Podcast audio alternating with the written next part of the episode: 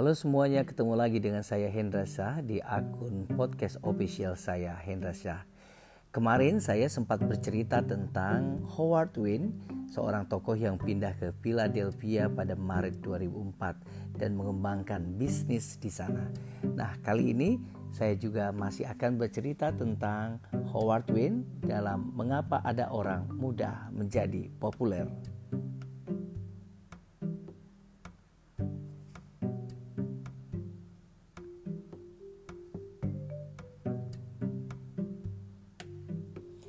Nah, teman-teman sekalian, ingat dengan perusahaan yang dikelola oleh Wayne. Ia tahu bahwa makanan yang bagus, suasana yang dahsyat tidak akan cukup. Lagi pula kalian nomor satu restoran pada umumnya adalah gulung tikar. Lebih dari 25% gagal dalam 12 bulan setelah membuka pintu. 60% bangkrut dalam tiga tahun pertama. Nah, di episode kali ini saya akan membahas kelanjutannya bahwa kenapa restoran gagal karena berbagai alasan. Pengeluaran terbilang tinggi dari makanan yang disajikan di piring sampai dengan tenaga kerja yang menyiapkan dan menyajikan hidangan. Selain itu, persaingan dalam usaha ini sangat ketat. Untuk setiap bistro Amerika baru yang muncul di sebuah kota besar, ada dua jenis usaha tidak jauh dari lokasinya. Seperti kebanyakan bisnis kecil, restoran juga memiliki masalah yang sangat besar dalam menarik perhatian orang.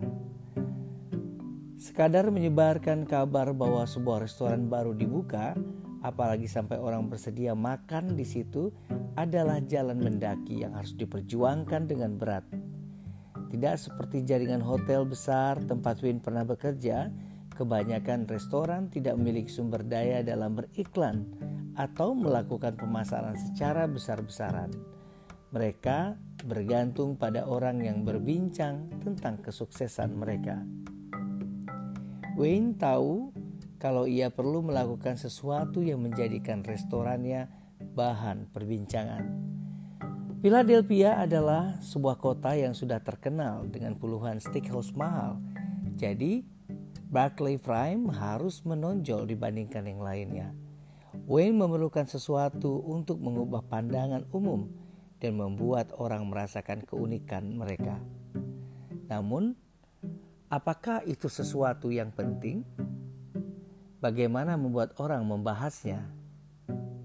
Nah, kita akan bercerita bagaimana dengan seporsi cheese stick yang seharga ratusan dolar Cheese standar di Philadelphia dipasarkan dengan harga 4 atau 5 dolar di ratusan toko sandwich, kios burger, dan kedai pizza di seluruh kota. Resep pembuatannya tidak sulit. Cincang sepotong steak di atas wajan ceper, taruh ke dalam sebuah hoagie roll atau roti lonjong, kemudian lelehkan sedikit laju prolon dan cheese Wis di atas antaranya. Ini adalah penganan cepat saji, lezat yang khas di Philadelphia, tapi jelas tidak termasuk sajian kelas atas. Nah, di sinilah terpikir oleh Win bahwa dia bisa menarik perhatian orang dengan menaikkan cheese stick yang bersahaja itu ke tataran baru di dunia kuliner. Ini dilakukannya untuk memberi label harga yang akan menjadi berita jadi dia mulai dengan breeze roll atau roti bundar buatan rumahan yang masih baru, memolesnya dengan mustard yang juga buatan sendiri. Dia menambahkan Kobe beef yang diiris tipis sehingga sedemikian pola marmernya sempurna. Lalu dia menambahkan bawang bombay yang ditumis sampai menjadi karamel.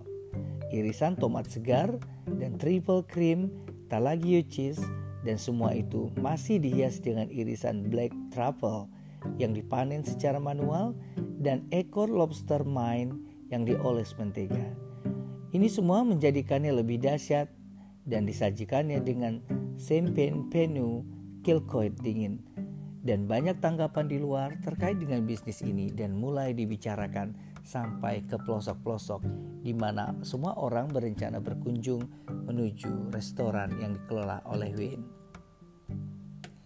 Ini adalah salah satu penyebab mengapa ada orang mudah menjadi populer dalam versi Wayne dalam mengelola usahanya di Philadelphia. Demikian saja podcast kita pada hari ini. Sampai jumpa dengan episode yang akan datang. Saya Hendra Syah. Terima kasih sudah mendengarkan.